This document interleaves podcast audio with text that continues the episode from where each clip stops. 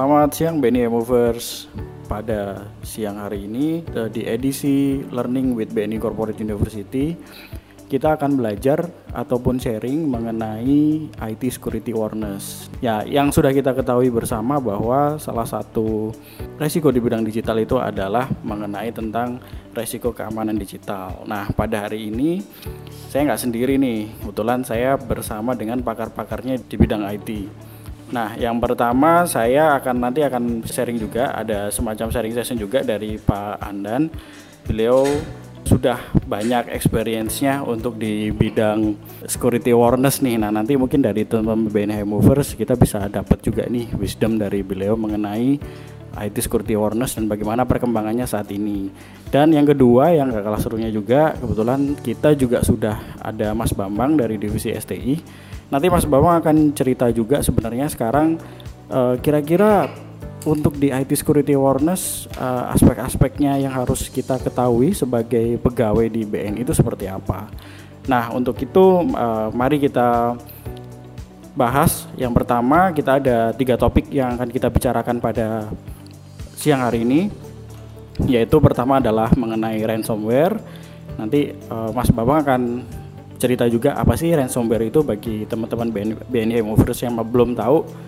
Dan nanti juga Pak Andan akan cerita berdasarkan experience-nya beliau uh, ransomware yang sering terjadi itu seperti apa dan bagaimana sih penanganannya di BNI dan topik coverage yang kedua yaitu mengenai skimming. Nah ini kan sering terjadi tuh skimming dan juga ini kita sebagai pegawai pun juga harus aware. Jadi nanti kalau ketika kita ada nasabah yang bertanya kita kan bisa menjawab dan juga bagaimana sih kondisi skimming yang sering terjadi akhir-akhir ini dan topik coverage yang ketiga yaitu bagaimana bagaimana peran akses kontrol dalam mencegah fraud yang sering terjadi. Nah untuk yang pertama kita bahas tentang ransomware dulu.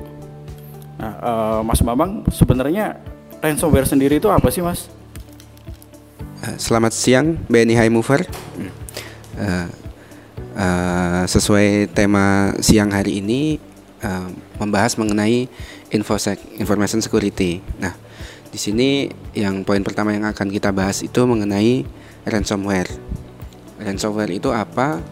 Sebenarnya ransomware itu hampir mirip dengan virus, malware ataupun uh, software jahat lainnya yang beredar di internet.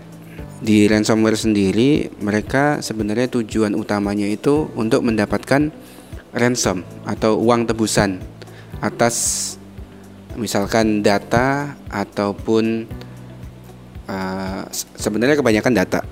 Jadi gimana cara kerjanya itu ransomware ini sebenarnya cara kerjanya secara langsung dia ketika dia ransomware menginfeksi komputer kita dia akan melakukan encrypt data-data penting kita misalkan data Excel eh maksudnya data file yang berbentuk dokumen seperti doc dot doc atau dot XL ataupun file lain yang penting yang biasa di kita pakai sehari-hari. Dokumen-dokumen itu biasanya mereka mereka sudah punya uh, mappingnya sendiri. Dokumen mana aja sih yang akan ransomware uh, encrypt atau mereka kunci, mereka blokir datanya supaya pengguna ataupun kita tidak bisa mengakses lagi. Nah, biasanya yang terjadi setelah uh, komputer kita terinfeksi, terus ransomware jalan di komputer kita, mereka akan scanning, akan mengencrypt semua data kita yang ya, terutama data-data dokumen. Setelah mengencrypt, baru mereka akan memberitahukan informasi ke kita semacam pengumuman atau warning. Misalkan kayak kemarin WannaCry, mereka, akan menampilkan menampilkan informasi pengumuman kalau data Anda sudah di encrypt. Uh, jika Anda ingin mendapatkan kuncinya, maka uh, silakan bayar tebusan ke alamat berikut. Nah, biasanya alamat ini ke alamat uh, Bitcoin yang sedang tren saat ini biasanya Bitcoin. Di situ mereka uang tebusannya berapa dan biasanya mereka akan membuat kita percaya dengan mereka mengirimkan dahulu uh, satu kita disuruh mengirimkan dokumen ke mereka agar dokumennya bisa mereka kasih kuncinya kemudian mereka balikin dokumennya buat meyakinkan kita bahwa sebenarnya mereka pegang loh kuncinya padahal belum tentu dengan kita membayar ransom ke ke penjahatnya belum tentu mereka akan mengirimkan kunci atau key untuk melakukan dekripsi dari data-data yang sudah yang sudah mereka dapatkan. Nah, untuk ransomware ini sebenarnya e, penyebarannya itu satu melalui ya e, sebagaimana kita tahu sekarang itu dia melalui internet lah. Biasanya satu internet yang paling banyak itu dari email phishing, email yang menawarkan sesuatu yang misalkan kita sering belanja uh, terus uh, tiba-tiba ada ada email masuk yang ada attachmentnya. Nah di situ sebenarnya di dalam attachment itu uh, bisa jadi file mereka mengirimkan file receipt atau file invoice. Nah di dalamnya itu sudah diinjek oleh virusnya satu. Yang kedua biasanya kalau tidak melalui file attachment biasanya mereka melalui link. Linknya sudah mereka manipulasi sudah mereka masking uh, mereka tinggal biasanya disebutkan klik di sini atau klik ketik halaman ini untuk menuju ke website ini. Nah seperti itu. Nah itu untuk uh, untuk via phishing email ada lagi yang via website palsu. Website palsu itu biasanya misalkan kita ada website Facebook www.facebook.com sebenarnya itu mungkin bukan Facebook tapi facebook0k.com gitu. Kan kita secara secara kasat mata kita mungkin sepintas oh ini Facebook kok biasa padahal itu website lain. Nah begitu kita masukin apa begitu kita login klik link yang ada di Facebook itu udah otomatis ransomware ke download di kita. Selain dari internet bisa jadi dari nanti USB nah, kita nggak tahu nih USB kita sudah kita pakai di mana aja. Misalkan yang sering ke warnet. Nah itu sebenarnya dulu sih ke warnet. Kalau sekarang kan mungkin udah nggak lagi kan. Mungkin pinjam ke teman atau dipinjemin temen nah sedangkan kita nggak punya antivirus atau apa kita langsung colok ke komputer kita langsung nyebar ransomware-nya. Dari situ biasanya penyebarannya akan mulai tuh. Kalau kita di lingkungan kerja kita colokin ke PC kita kita klik dia otomatis akan menginfeksi uh, komputer-komputer lain yang ada di satu area itu. Nah itu bahayanya dari ransomware. Begitu satu orang kena bisa menyebar ke orang yang lain. Bisa jadi satu gedung kena atau mungkin satu BNI kena semua. Itu bahayanya dari ransomware. Sebagai tambahan untuk uh, ransomware dan kejahatan yang menggunakan metode internet atau cybercrime atau kejahatan cyber uh, selain ransomware sebenarnya masih ada beberapa sih uh, seperti kayak virus, malware itu satu grup lah sama ransomware. Ada lagi phishing. Phishing itu bisa mau bisa melalui email ataupun website. Tadi yang saya sebutkan sebelumnya phishing yang melalui email itu dengan email yang tidak dikenal masuk ke email pribadi kita atau email kerja kita ternyata isinya isinya attachment atau link yang ketika kita klik itu akan mengaktifkan atau mendownload virus yang ada di luar. Terus akan menginfeksi ke komputer kita. Terus nanti virusnya atau ransomware itu bekerja. Terus ada lagi yang paling penting itu social engineering. Social engineering itu bisa lewat media apa aja. Misalkan telepon, bisa. Dia mengaku sebagai orang yang kita kenal, memancing kita, menyebutkan nama kita, terus nanti seolah-olah dia benar-benar teman kita, teman lama yang belum pernah ketemu. Terus nanti dia minta tolong ditransfer untuk untuk biaya rumah sakit atau biaya atau yang lain lah. Kemudian social engineering bisa lewat media website juga. Dia meniru uh, website yang yang sama seperti aslinya. Misalkan BNI atau bnl.co.id padahal kita tahunya itu BNI semua halaman depannya sama tapi dia ternyata website yang berbeda. Nah untuk mengatasi penyebaran ransomware ataupun phishing ataupun social engineering itu kita sebenarnya di sisi BNI sebagai pegawai BNI itu sebenarnya kita punya tanggung jawab untuk membantu menekan penyebaran dari ransomware itu. Sebelum ke ini ya apa namanya langkah-langkah dalam pencegahan ya saya sampaikan lagi dampak kejahatan cyber itu. Biasanya dampak kejahatan cyber itu ya tadi mencuri data rahasia yang dapat merugikan perusahaan seperti data nasabah, password, user password email, mobile banking, kartu kredit, data kartu kredit, termasuk CVV-nya atau mungkin data dan dokumen rahasia perusahaan. Terus malware atau ransomware itu dapat juga memata-matai aktivitas pengguna komputer. Bisa ngerekam kita kalau waktu kita kerja itu login ke aplikasi apa, user passwordnya apa, itu dia bisa tahu Terus uh, yang tadi en, mereka mengenkripsi file-file atau data-data penting kita sehingga mengganggu proses bisnis kita, pekerjaan kita. Terutama nih, malware itu dapat menginfeksi ke komputer lain melalui jaringan BNI. Nah, sebagai langkah awal pencegahannya, nah salah satunya satu eh, data-data penting kita sebaiknya kita backup secara reguler bisa kita taruh di harddisk kita bisa kita bisa kita inilah kita encrypt sendiri datanya kita jadiin dokumen .zip atau apa terus kita password. Dan biasanya soalnya data-data yang di encrypt oleh ransomware itu data-data dokumen .doc .xls gitu. Terus uh, ini penggunaan file sharing. Biasanya di di tiap divisi atau wilayah itu untuk data-data pekerjaan kita yang dipakai bersama-sama itu kan biasanya disimpan di dalam file sharing tuh.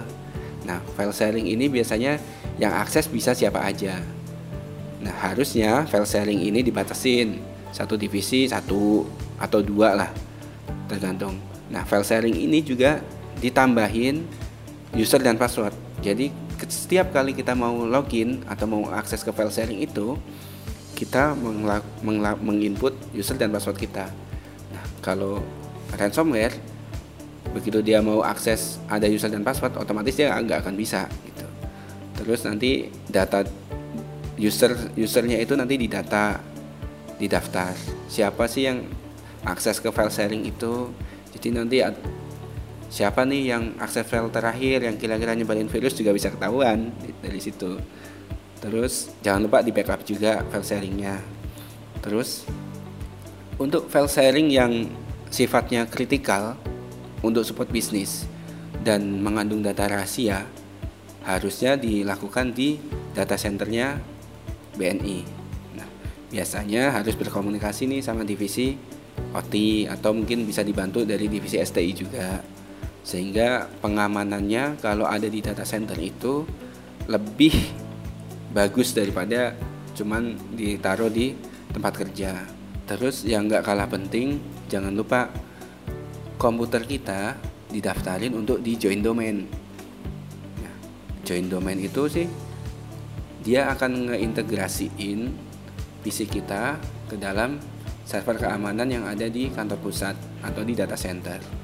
Otomatis nanti antivirusnya diupdate secara berkala.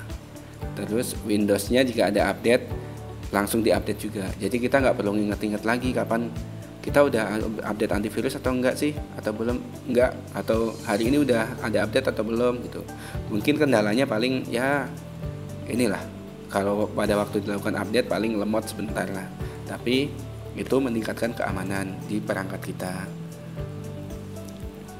Loginnya kalau kita udah terdaftar ke join domain itu uh, kita nanti nggak perlu pusing itulah ngurusin kalau mau akses ke wifi otomatis kita udah login itu wifi otomatis bisa kedaftar juga di join domain itu. Terus siapa yang pakai PC-nya nanti kecatat.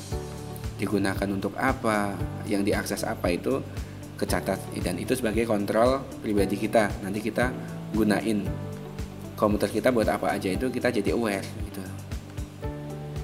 Nah, kita tadi sudah menjelaskan nih penjelasan terkait dengan ransomware dari Mas Bambang. Nah, sebenarnya ini nanti yang lebih harus kita dalami lagi adalah sebenarnya prakteknya eh, di BNI itu yang sudah kejadian ransomware itu seperti apa. Nah, eh, ini saya mau tanya lagi nih ke Pak Andan. Kebetulan Pak Andan experience-nya banyak untuk di bidang security awareness. Nah, Pak Andan, kalau untuk kasus ransomware di BNI itu seperti apa? Dan kira-kira bagaimana sih Pak cara kita sebagai pegawai itu kita bisa aware juga terkait dengan ancaman security awareness ini. Oke, makasih Mas Ido. Tadi sempat disinggung oleh Mas Bambang ya bahwa penyebab menyebarnya ransomware itu adalah kita tidak waspada dengan file, dengan dokumen-dokumen komputer yang masuk ke privilege kita. Jadi kalau yang terjadi di BNI yang pernah terjadi itu adalah ada beberapa PC terinfeksi ransomware.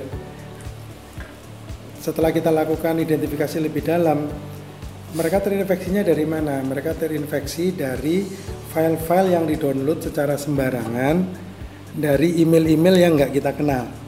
Jadi tadi saya, saya uh, dari Mas Bambang yang jelaskan tadi, memang ada beberapa hal yang bisa kita lakukan langkah mitigasi karena teknologi sekarang berkembang mau nggak mau semuanya pasti juga diselesaikan transaksi dilaksanakan dengan teknologi diselesaikan juga dengan teknologi. Tadi kalau saya tanggap mitigasinya adalah yang pertama adalah kita ini jangan sembarangan nih mendownload attachment attachment email. Kedua kita harus waspada nih ketika kita mendapatkan email mendapatkan apa kita waspadai link-linknya itu. Jangan asal main klik ternyata tadi di Facebooknya itu bukan Facebook yang biasa tapi Face B U 0 O K gitu kan ya. Jadi jadi kita dengan sukarela ini memasukkan data. apa ancaman-ancaman ke dalam lingkungan komputer kita. Jadi yang terjadi adalah pernah di di BNI itu terjadi beberapa komputer yang terinfeksi virus-virus itu. Karena apa? Setelah kita lakukan penelitian lebih dalam, virus itu terinfeksi berasal dari attachment dokumen email. Yang kita nggak sadar, kita klik aja ternyata di, di belakangnya adalah malware-malware trojan yang pada akhirnya merugikan kita. Nah, sekali lagi mungkin ketika kita agar terhindar dari ransomware ya tentunya bahwa dalam melakukan sesuatu aktivitas dengan menggunakan komputer itu poinnya jangan terburu-buru. Baca detail kira-kira ini beresiko apa enggak. Kalau kita yakin tidak ada beresiko baru kita lakukan eksekusi. Gitu ya. Tadi juga disinggung mengenai USB nah USB nih kalau implementasi di BNI ini Mas Hidup banyak komputer USB ini udah di, di disable. Jadi nggak sembarangan kita bisa menggunakan USB tapi nggak menutup kemungkinan karena kemudahan karena terburu-buru tadi sehingga kita nggak sadar menggunakan USB USB yang memang akhirnya terinfeksi. Nah kalau kondisi kayak gini pastikan komputer kita itu antivirusnya selalu update.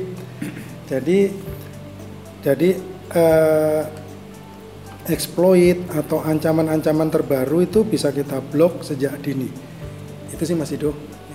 Oh jadi gitu Pak. Nah jadi teman-teman BNI Mover sekarang ayo nih kita mesti aware juga terkait dengan ancaman ransomware. Caranya gimana? Satu ya kita lihat teliti lagi apakah ternyata tiba-tiba apa apakah nama websitenya itu ternyata memang website yang kredibel. Nah nanti dan juga kita harus teliti juga nih misalnya tadi disebutkan tadi Facebook ternyata bukan O tapi nol nah sebenarnya seperti ini kita harus satu selain jeli dan kedua kita juga harus jangan lupa tuh uh, antivirus kita tuh kita juga harus selalu update. Nah ini terutama ini untuk bagaimana kita juga aware juga ter, uh, terkait dengan data. Jadi uh, jangan sampailah dengan kita kurang teliti nih membaca attachment email, wah pada akhirnya nanti malah uh, ada data-data yang keluar karena kita salah untuk klik uh, untuk attachment itu tadi. Nah untuk yang kedua nih uh, untuk BNI Movers terutama sekarang itu kan juga banyak tuh skimming skimming untuk yang terutama kejahatan-kejahatan digital ya kayak salah satunya adalah misalnya untuk yang di skimming terutama di e-channel. Nah untuk itu sih sebenarnya kita mesti tahu dulu nih ya uh, apa sih skimming itu gitu kan dan sekarang itu sebenarnya trennya seperti apa kalau untuk yang kejahatan atau kejahatan di bidang skimming. Nah untuk itu kira kira-kira seperti apa sih mas Mas Bambang untuk kondisi skimming yang sering terjadi akhir-akhir ini? Kalau uh, begini mas, kalau kejahatan skimming itu biasanya terjadinya di ATM. Itu mereka biasanya mengambil data kartu kita uh, untuk kemudian digandakan. Nah sebenarnya nggak cuma data kartu aja tapi ada data kartu pin ada kar, uh, pin kartu kita pin kartu debit kita nah kejahatan skimming ini sebenarnya uh, kejadiannya sih pasti nah, di bank mana aja pasti terjadi dan ada di berita-berita juga hampir semua bank lah yang kena. Nggak cuma di BNI aja sih. Kejadian skimming ini terjadi biasanya di daerah-daerah dengan ATM dengan pengamanan yang kurang. Yang mungkin ATM-nya ramai tapi pengamanannya kurang. Misalkan seperti di SPBU atau di rest area yang kadang-kadang kalau malam mungkin bisa di biasa sepi banget lah kayak gitu. Nah kejadiannya seperti apa? Biasanya si penjahatnya itu akan memasang uh, memasang skimmer untuk mengambil data kartu di dekat mulut ATM, di depan mulut kita pada waktu kita mau input kartu ATM, mau memasukkan kartu ATM. Nah, itu satu. Yang kedua, untuk tahu pinnya, mereka biasanya pakai kamera. Kamera-kamera yang kecil, kadang mereka pasang di boot ATM bagian atas, kadang di tempat penutup pensil atau mungkin di body ATM-nya ditempel. Nah, itu yang sering sering kejadian. Skimming ini biasanya menyasar pada kartu-kartu yang masih magnetic stripe. Nah, walaupun kartu kita udah chip, tapi sekarang kartu kita itu kan masih ada magnetic stripe-nya. Karena belum semua ATM itu sudah support chip. Jadi untuk beberapa ATM yang belum support chip, dia akan membaca kartu magnetic magnetic stripe pada kartu kita. Nah, bagaimana ini apa namanya untuk menanggulangi kejahatan skimming ini, penggandaan kartu ini? Ya, yang pertama pasti dimulai dari diri kita sendirilah sebagai pengguna kartu. Caranya gimana? Yang pertama satu ya, pada saat mau transaksi di ATM, kita pastiin dulu nih ATM-nya coba kita raba dulu ini di tempat kita mau memasukkan kartu ATM ini ada yang aneh nggak? Ada tempelan-tempelannya atau tidak? Nah itu satu. Yang kedua pada waktu kita mau input pin kita cek lagi ATM-nya ada pelindung pensilnya apa tidak? Kadang walaupun sudah ada pelindung pensilnya kita harus mastiin lagi tuh. Kita raba di bagian atasnya atas bagian dalam kita raba ada yang mencurigakan atau enggak. Atau mungkin lebih aman lagi pada saat input pin walaupun sudah ada pin shieldnya masih kita harus tutupi dengan tangan kita sendiri. Nah biasanya ATM ATM yang sudah di di fraud oleh penjahat itu biasanya mereka inilah ada kalau kita lihat lebih detail lagi pasti ada yang aneh lah di ATM itu atau ada mungkin kadang call center BNI-nya sudah diganti nomornya. Terus mungkin kadang-kadang di gerai ATM itu nggak cuman skimming, tapi kadang mereka memasang kayak tusuk gigi di dalam tempat kartu kita. Jadi nanti kalau kartunya mau keluar dia akan nyangkut. Nanti akan ada yang coba membantu kita. Nah mendingan dihiraukan aja langsung telepon call center BNI buat lebih amannya begitu. Biasanya kan kita nggak tahu orang itu maksudnya benar-benar baik atau ada maunya. Kalau yang banyak terjadi kalau bisa kita lihat di YouTube ataupun di berita sih kadang-kadang dia membantu mengeluarkan kartu kita tapi ternyata pas kartu yang dikasih ke kita itu kartu yang lain bukan kartu kita. Nah kita kan nggak mungkin nih ngapalin 16 digit nomor kartu kan. Kita jarang kan yang hafal nomor kartu kita sendiri. Nah biasanya seperti itu. Terus untuk trennya trennya itu kalau sekarang itu di daerah Indonesia Timur. Biasanya Bali, Lombok, Kupang, Nusa Nusa Tenggara lah di situ banyak sama di Sulawesi terakhir itu. Nah sebenarnya kalau kita sebagai insan BNI eh, kita bisa loh ngebantu eh, menjaga keamanan ATM kita. Misalkan kalau kita lagi pulang kerja mampir ke ATM bisa kita sekalian cek atau kalau hari libur sempetin ke ATM cek saldo kayak atau lagi ke mall ada ATM BNI kita bantu cek keadaannya kayak gimana. Kalau ada kekurangannya dilaporkan aja ke wilayah yang mempunyai ATM itu. Nah, atau mungkin ya pokoknya saling menjaga lah. Siapa pun yang dekat dengan ATM sempetin nengokin sebentar. ATM-nya kondisinya kayak gimana? Rapi atau enggak? AC-nya nyala atau enggak? Nah yang paling penting yaitu kondisi ATM itu bagaimana. Kalau ATM-nya aja kita lihat oh kayaknya mencurigakan. Kita aja yang sebagai yang punya ATM bilang gitu apalagi orang lain yang mau transaksi di situ kan. Pasti mereka nggak mau juga sih. Nah, sedikit banyak seperti itu mas untuk skimming ATM di kita saat ini Wah, uh, terima kasih banyak nih Mas Bambang atas infonya ya terkait dengan skimming. Dan terutama juga kita sebagai pegawai kita juga harus menumbuhkan awareness. Kalau misalnya kita ke ATM BNI kita ngambil duit ya tetap uh, kita bisa kita cek juga tuh uh, apakah memang kira-kira ada yang mencurigakan nggak sih di ATM itu. Nah, selain itu saya pengen tanya juga nih ke Pak Andan Pak, um, memang ini kan memang sekarang lagi skimming itu juga kasusnya itu juga selalu berulang, berulang, berulang gitu kan Pak ya. Nah dari experience Bapak tuh, uh, bagaimana sih Pak sebenarnya kita sebagai pegawai ini untuk mencegah hal ini bisa terulang kembali dan terutama kan kita bagaimana kita uh, menumbuhkan rasa aman juga ya bagi nasabah bahwa mereka dengan menyimpang uangnya di BNI kita bisa memberikan rasa aman ke dia. Termasuk salah satunya adalah meminimalisir resiko-resiko digital seperti ini. Kira-kira apa sih Pak yang sebenarnya harus di uh, sebagai pegawai ini apa sih yang harus kita lakukan nih Pak untuk mencegah hal-hal ini berulang kembali? Oke uh, sebetulnya Mas Ido ya skimming ini memang sampai dengan hari ini beban resiko operasional kita itu masih didominasi oleh fraud eksternal dengan modus skimming. Nah, jadi skimming itu apa? Tadi sudah dijelaskan Mas Bambang. E, esensi skimming itu adalah fraudster itu mengambil alih informasi kritikal punya kita dari nomor kartu terus kemudian PIN tentunya karena kartu nggak akan ATM tidak akan bisa bertransaksi ketika tidak ada kartu dan tidak ada PIN. Jadi pengambil alihan itu bisa dilakukan dengan dua cara oleh fraudster. Nah, fraudster ini berevolusi.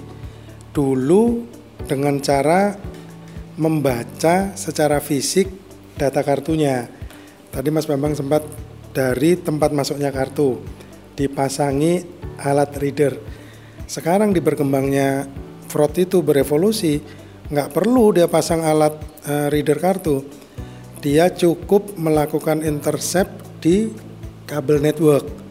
Kabel network karena apa? ATM itu kan selalu mengirimkan pesan dari ATM ke host. Nah di tengah itu dicegat datanya kita ambil. Jadi memang komplit di BN ini dengan modus-modus yang komplit ya Mas Bambang ya. Jadi tentunya di sini ada banyak pembelajaran. Uh, karena fraudster itu dalam kegiatannya selalu berkelompok nah AT tempat kejadian peristiwanya kan selalu di ATM makanya tadi Mas Bambang sempat nyinggung tuh berarti kita harus jaga yang namanya ATM supaya tidak jadi tempat skimmer beraksi. Sekitar awal tahun kita sudah melakukan yang namanya security awareness terkait dengan ATM anti ATM skimming ya Mas Bambang ya. Jadi sebetulnya untuk memastikan ATM kita itu aman, tapi kita nggak bisa mendeklar bahwa ATM kita aman. Kalau kita declare ATM aman, ancamannya beda, bukan di skimming lagi, tapi dilakukan ancaman yang lain. Makanya inilah uniknya di teknologi itu. Once ketika mendeklar premises kita aman, itu sama aja nantangin para hacker tuh coba tuh. Gitu. Jadi lebih baik apa yang kita lakukan untuk mengamankan premises kita ya udah kita amankan aja, kita diem-diem aja gitu ya. Jadi sebetulnya ATM yang kita jaga itu nggak lebih dari 6 menit kok ya. Kemarin waktu kita awareness tuh ada 6 langkah yang harus kita lakukan ketika kita harus menjaga ATM kita. Yang pertama, kita pastikan kondisi ATM itu tidak ada yang aneh-aneh. Yang aneh-aneh itu misalnya kita kan paham ya bentuk ATM itu seperti apa, tempat masuknya kartu itu seperti apa, keypad itu seperti apa, pin itu seperti apa. Itu kita pastikan nggak ada yang aneh atau nggak ada yang lain dari biasanya. Saya rasa itu memastikan itu dengan diraba, disentuh, dielus, monggo silakan nggak sampai satu menit rasanya. Itu menit, anggaplah satu menit ya, menit pertama. Menit kedua, kita pastikan tempat masuknya kartu ATM itu tidak ada sesuatu yang aneh. Di situ nggak ada reader. Caranya gimana? Tarik aja. Kalau dia sampai lepas, artinya itu bukan tempat membaca kartu yang asli ya Mas Bambang ya. Bisa jadi itu pasangan oleh orang. Menit ketiga atau langkah ketiga ya. Kita teliti keypad ATM itu tidak ada kameranya. Caranya gimana ya? Mau nggak mau kita elus. Kita elus, tidak ada sesuatu yang aneh, kita pastikan. Nah, bisalah kita melakukan transaksi. Ketiga, keempat sekarang. Kita pastikan bahwa perangkat-perangkat terkait kabel itu terlindungi dengan baik. Biasanya kabel itu terletak di atas di box dalam kondisi di gembok. Jadi pastikan menarik gembok nggak terlalu anu kok nggak terlalu lama mungkin kita tarik aja. Kalau gemboknya nggak copot ya berarti kondisi berfungsi dengan baik. Dan saya rasa nggak nggak membutuhkan orang yang tinggi banget karena gemboknya selalu ditaruh di tempat yang terjangkau. Langkah yang kelima, itu tidak ada stiker-stiker aneh di situ. Jadi kalau kalaupun ada stiker hubungi call center, pastikan call center kita itu angka yang benar atau angka yang apa gitu ya. Itu langkah kelima. Kalau satu menit kan lima menit. Nah yang keenam, kita pastikan nih CCTV-nya itu ada. Tapi kita nggak bisa memastikan CCTV itu berfungsi apa enggak. Pastikan saja CCTV itu ada dan CCTV itu coveragenya adalah mengcover seluruh ruang ATM, tidak pada spot atau poin tertentu. Bisa jadi kamera itu tidak diletakkan di keypad ATM, tapi kamera itu ngambil dari CCTV. Jadi CCTV-nya itu diarahkan ke keypad sehingga kalau ada orang ngetik ketahuan. Jadi simpel ternyata Mas Ido. Hanya 6 menit gitu loh kemarin kita bercandanya apa? Coba kalau Sabtu malam Minggu gitu pacaran di ATM kan adem kan minimal kalau di ATM itu kan kan ada hasilnya gitu. Dan nggak perlu terlalu lama. Makanya waktu itu sempat saya sampaikan 6 menit membuat ATM kita aman. Karena bagaimanapun juga skimming bisa jadi terjadi sekarang mereka mengeksekusinya bulan depan. Kan data itu disimpan dulu. Terus kemudian baru bulan depannya kita lakukan setelah semuanya tenang, bank-banknya cukup tenang, dia lakukan eksekusi.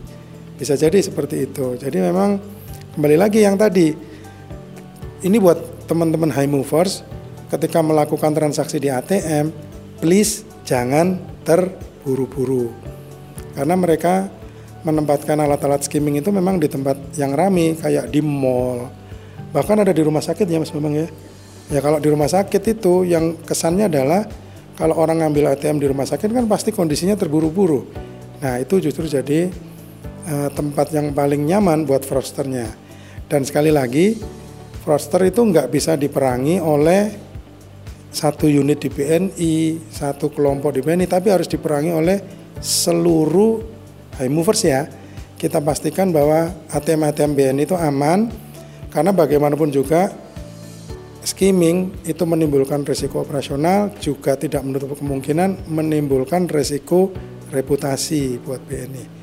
Jadi saya rasa enam langkah itu pastikan kondisi ATM-nya sesuai dengan yang diharapkan, teliti tempat masuk kartu, teliti tempat kita memasukkan PIN, pastikan kabel-kabel ATM kita ini terhubung dengan baik, eh sorry, terlindungi dengan baik, terus tidak ada stiker yang aneh-aneh tapi kalau di situ ada stiker-stiker bonek Surabaya gitu ya enggak apa-apa. Itu mungkin ada orang nempelin orang anu aja iseng nempelin gitu ya. Nah yang terakhir adalah kita pastikan CCTV tidak menunjuk kepada poin tertentu. Rasanya peran kita semua akan menja men dalam menjaga ATM tentunya akan sangat berdampak signifikan bisa menurunkan kerugian yang ditimbulkan dari skimming. Nah, um, tadi kan kita sudah bahas uh, dibahas juga sama Mas Bambang dan uh, Pak Andan. Terima kasih nih. Jadi besok coba saya praktekkan deh Pak. Jadi kalau saya ke ATM, saya mau ngikutin 6 menit yang Bapak uh, tadi yang sempat dibilang oleh Pak Andan. Coba saya mau praktekkan ke langkah-langkahnya itu karena memang kepedulian kita terhadap ATM itu ternyata juga seperti yang Pak Andan ceritakan tadi ternyata kita tuh nggak bisa cuman saat divisi teknologi aja yang untuk memerangi fraudster tapi diperlukan juga peran aktif dan komitmen dari seluruh BNI High Movers untuk mengurangi resiko operasional yang di kita. Nah untuk itu marilah kita juga aware juga dengan ATM-ATM kita apabila ternyata masih ada stiker-stiker yang kayaknya aneh dan kan kita tahu uh, BNI call-nya BNI call kita. Nah, itu kita pastikan juga ketika itu ternyata ada yang angka aneh 15.056 kayak gitu. Nah, itu pastikan kita kita harus lapor ke BNI terdekat uh, bahwa ini kemungkinan ini ada suspek untuk uh, fraudster. Nah, kita udah sampai ke agenda yang ketiga di agenda yang ketiga ini sebenarnya mengenai peran akses kontrol dalam mencegah fraud dan bagaimana peran akses kontrol dalam mencegah fraud. Nah ini sering terjadi juga ya. Uh, sebenarnya nah ini kita tanya lagi nih kembali lagi ke Mas Bambang. Uh, sebenarnya apa sih masih terkait yang dengan dimaksud dengan akses kontrol itu? Uh, untuk akses kontrol begini nih Mas itu. Akses kontrol itu kita sebenarnya lebih uh, sebagai perlindungan uh, terhadap aplikasi. Bukan cuma aplikasi sih terhadap penggunaan aplikasi lah. Jadi misalkan kita punya aplikasi nah aplikasi itu yang pakai siapa sih? Misalkan teller. Teller itu uh, menunya apa aja? Harusnya beda dong teller sama customer service di menu icons pasti dibedakan Nah, beda lagi nanti dengan supervisornya. Ya, mereka nanti bagian kalau misalkan transaksi di atas berapa puluh juta harus izin ke pimpinan atau ke kas ke supervisor. Nah, itu sih kalau contoh akses kontrol itu seperti itu. Sebenarnya akses kontrol itu sebagai bahan sebagai bahan kita, sebagai bahan kontrol kita agar uh, tidak ada penyalahgunaan uh, wewenang atau akses kontrol itu lebih membatasi kewenangan-kewenangan apa aja yang melekat pada user. User teller ya kewenangannya ABCDE. Untuk kewenangan EFGHIJ itu nanti supervisornya. Bisa akses kontrolnya kewenangannya customer service ya ada ada sendiri. Itu untuk aplikasi icons untuk aplikasi yang lainnya mungkin menyesuaikan. Di BNI sendiri kan banyak banget nih aplikasinya. Siapa yang pegang user rootnya siapa? Nanti sebagai administratornya siapa? Sebagai user biasa nanti siapa aja? Siapa yang buat maintenance itu usernya apa aja? Nah itu perlu kita kelompok-kelompokkan seperti itu. Jadi ini untuk apa ya? Sebagai salah satu pencegahan uh, terhadap fraud, terutama fraud internal. Nah, di fraud internal ini sendiri sebenarnya banyak kan. Kita mungkin dari nggak usah inilah penarikan tunai nasabah gitu kan. Itu pasti dibatasin. Kewenangan tadi saya sebutkan lagi kewenangan CS teller itu pasti nanti berbeda lagi gitu kan. Terus uh, di kalau dari sisi teknologinya sendiri sih kita juga udah udah ada prosedurnya sendiri mengenai akses kontrol ini. Yang yang tadi saya maksudkan itu sebenarnya kewenangan akses itu nanti akan ada penetapannya sendiri-sendiri. Jadi aplikasi itu nanti user bisnisnya siapa, yang pakai siapa aja. Dari situ dipisahin lagi tugas-tugas dan kewenangannya. Level-levelnya dipisahin lagi. Nah, untuk pemisahan tugas ini atau segregation of duties of duties lah kita nyebutnya. Itu sebenarnya untuk mencegah yaitu kecurangan kecurangan kecurangan yang bisa dilakukan melalui aplikasi. Terus uh, sebagai ini juga pembatasan kewenangan minimum untuk menjalankan sesuai tugas dan pekerjaannya kewenangan aplikasi ini sebenarnya dijadikan juga prasyarat untuk nanti handover aplikasi itu ke divisi operasional IT. Nanti di sisi operasional di sisi operasionalnya nanti mereka udah ada masing-masing fungsi dan kewenangannya itu. Untuk penetapan kewenangan akses ini uh, lebih banyak nanti yang berhubungan itu antara divisi STI untuk uh, ini mapping kewenangannya nanti dengan bisnis user sebagai pengguna aplikasinya uh, nanti juga dilakukan dilakukan apa assessment atas fungsi-fungsi dari aplikasi itu. Nah dari assessment itu nanti dilakukan mapping dari unitnya STI ada kelompok sendiri untuk proses mappingnya. Kemudian dari mapping itu nanti akan di dibuatkan tabel kewenangannya seperti apa siapa aja yang boleh akses apa aja kayak gitu Oke, terima kasih Mas Bambang atas pencerahannya. Jadi saya banyak tercerahkan nih dengan apa sih yang dimaksud dengan kewenangan akses itu gitu kan. Seperti tadi yang Mas Bambang mention itu adalah sebenarnya ini kan ada juga uh, semacam segregation of duty ya, yaitu dengan adanya pemisahan tugas atau dengan pembatasan kewenangan untuk masing-masing aplikasi itu mencegah terjadinya kecurangan atau fraudulence yang berdampak juga ke resiko operasional juga di kita. Nah, saya mau tanya ke Pak Anda nih, Pak, kalau untuk yang case-case yang di BNI untuk terkait dengan kasus kewenangan, kewenangan akses ini, dulu yang sempat terjadi itu seperti apa, Pak? Dan juga yang namanya kan kita harus selalu ada improvement uh, terus ya setiap setiap saat. Nah, itu kira-kira apa sih yang harus kita lakukan juga agar kita mencegah hal ini tuh bisa terjadi? Gimana ya Pak ya uh, untuk cara mencegah untuk yang terkait dengan penyalahgunaan dari kewenangan akses ini? Uh, Mas Ido, kalau kita bicara akses itu ibarat sebuah aplikasi itu ruangan, akses itu kayak kunci. Nah, jadi di dalam akses tersebut karena ruangan itu bisa jadi di dalam ruangan itu ada banyak barang yang tidak semuanya boleh mengaksesnya, maka di dalam akses kontrol itu kita ada yang namanya user dan password di mana user tersebut pasti akan melekat dengan tanggung jawab dan kewenangan masing-masing. Jadi kalau kita bicara kunci, once kunci itu bisa dikuasai oleh orang, ya sudah.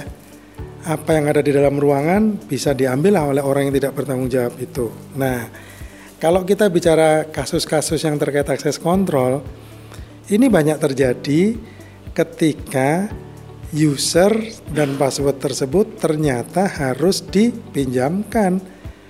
Harus dipinjam-pinjamkan. Hal itu terjadi kenapa? Ya memang situasi dan kondisi yang mengharuskan bukan mengharuskan menyebabkan kondisi itu terjadi.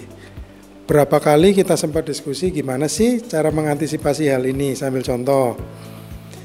Ketika seorang pemimpin kantor kas atau unit itu harus melakukan tugas keluar, tentunya ada kebutuhan-kebutuhan terkait otorisasi.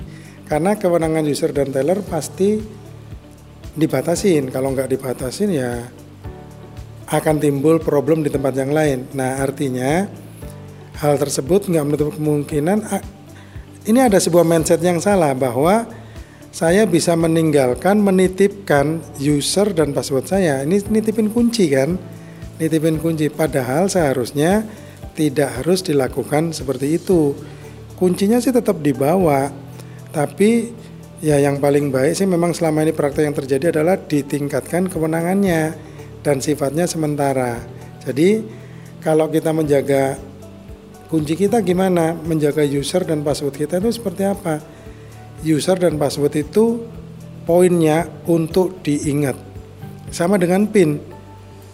What you remember. Jadi harus diingat. Nah, karena ingatan manusia itu terbatas, bikin password ya jangan yang panjang, jangan yang aneh, jangan yang sulit untuk diingat. Tapi yang penting password itu harus merupakan kombinasi dari huruf, angka, dan tanda-tanda tertentu dan kalau tidak salah di icon itu ada minimal ada minimal panjang 8 ya. Ada minimal panjang 8, 8 karakter. Nah, jadi ya kalau buat password itu yang sifatnya bisa yang mudah kita ingat lah. Karena icon itu juga selama periode tertentu pasti minta dirubah passwordnya. Jadi kalau kita passwordnya aneh-aneh, panjang-panjang, kita jadi akan mempersulit diri, kita sendiri dengan mengingat password itu. Nah, kalau kita bicara password, saya ingat sikat gigi nih Mas Ido. Sikat gigi itu secara berkala harus diganti. Kenapa harus diganti? Itu kalau bulunya itu udah nggak halus lagi, udah nggak rapi lagi, giginya nggak bersih, gusinya itu bermasalah. Jadi secara berkala harus kita ganti. Dan sikat gigi itu nggak boleh kita pinjem-pinjemin karena ada beberapa penyakit itu yang bisa ditularkan lewat sikat gigi dan peminjaman user dan password itu tentunya akan mengakibatkan potensi resiko yang nggak nggak kita harapkan gitu ya. Jadi pesannya adalah password itu harus diingat. Kalaupun harus ditulis, tulislah di tempat yang sangat pribadi yang tidak sembarangan orang bisa akses maksudnya gini ditulis di post it post itnya ditempelin di monitor ya sama aja. Ya misalnya ditulis di post it dibuang ya. Lupa juga ya dibuang ya enggak nah, jadi poinnya amankan user dan password Anda itu seperti mengamankan sesuatu yang sangat pribadi. Karena once kunci itu dipegang oleh orang yang tidak bertanggung jawab kita nggak bisa prediksikan potensi resiko apa yang bisa kita hadapi. Banyak hal terjadi. Nah, kadangkala dalam menggunakan user sama password ya, ketika kita menggunakan user password, pastikan tidak ada orang yang bisa melihat ketika kita menekan password yang akan kita gunakan. Jadi pastikan kalau eh, kemarin dari DJM JAL itu sebelum kita mengetik password pastikan tidak ada orang di sebelah kiri kita, di sebelah kanan kita, di belakang kita yang berpotensi akan mengetahui password kita apa. Jadi gitu ya Mas Ido ya. Jadi titip nih teman-teman, jagalah user dan passwordmu dengan segenap jiwa ragamu. Waduh. Nah itu dia. Makasih penjelasannya Pak Anda. Nah tadi saya sempat mengutip nih untuk uh, dari pernyataan dari Pak Andan bahwa password itu atau username dan password itu sama dengan sikat gigi. Memang rela bagi-bagi gitu ya Pak ya. Jadi kalau memang user ID dan password itu harusnya melekat kepada kita dan itu jangan sampai disampaikan juga ke orang lain. Nah sebenarnya yang kenapa sih kita tuh mesti harus uh, menjaga user ID dan password? Tadi kalau boleh saya resume dari penjelasan dari Mas Bambang dan Pak Andan, sebenarnya itu karena user ID dan password itu merupakan salah satu informasi bersifat rahasia dan menjadi tanggung jawab pemilik user ID dan password tersebut. Nah, jadi karena dengan adanya penyalahgunaan user ID dan password, nah ini kemungkinan kita bisa menghilangkan hilangnya aset informasi yang penting bagi perusahaan dan juga dapat menyebabkan kerugian finansial dan non finansial. Nah, mari kita kita aware juga uh, dari username dan dan password. Mulai sekarang selain kita harus menjaga password kita sendiri jangan kita bagi tapi juga dari sisi keamanan uh, passwordnya kita kalau bisa harus bikinnya strong password 8 kira-kira minimum dari 8 karakter 8 karakter dengan di kombinasi antara alfabet numerik atau spesial karakter dan jangan juga bikin password 1 2 3 password 123 atau apa yang gampang ditebak. Nah, itu jangan juga sih gitu kan. Terutama kan kita lihat juga bahwa informasi yang di dalamnya ketika itu informasi tentang perusahaan ya itu jangan sampai bocor juga ke pihak ketiga. Nah, kayaknya kita kita tadi udah bahas nih terkait sama uh, eh, IT security awareness yang sudah kita bahas tadi. Kalau boleh saya resume lagi yaitu terkait dengan ransomware dan kedua terkait dengan kejahatan skimming dan yang ketiga terkait dengan uh, pengamanan atau kewenangan akses. Nah, kayaknya saya rasa BNI Hemover sekalian juga dapat banyak informasi nih dari edisi kita pada siang hari ini. Nah, untuk selanjutnya mungkin akan kita buat uh, seri podcast selanjutnya terkait dengan uh, IT security awareness mungkin dengan dengan narasumber ataupun dengan nanti kita bisa melihat dari aspek lainnya. Saya kira itu yang bisa kita share pada edisi podcast Learning with BNI Korpu pada topik IT Security Awareness. Saya Ido dari BNI Korpu University. Uh, saya Bambang Hermanto dari Divisi STI, bagian keamanan informasi. Saya Andan Kesuma dari BNI Corporate University juga tentunya. Terima kasih atas atensinya dan semoga BNI Movers dapat menambah insight maupun knowledge mengenai keamanan informasi dan bagaimana cara mitigasinya. Salam.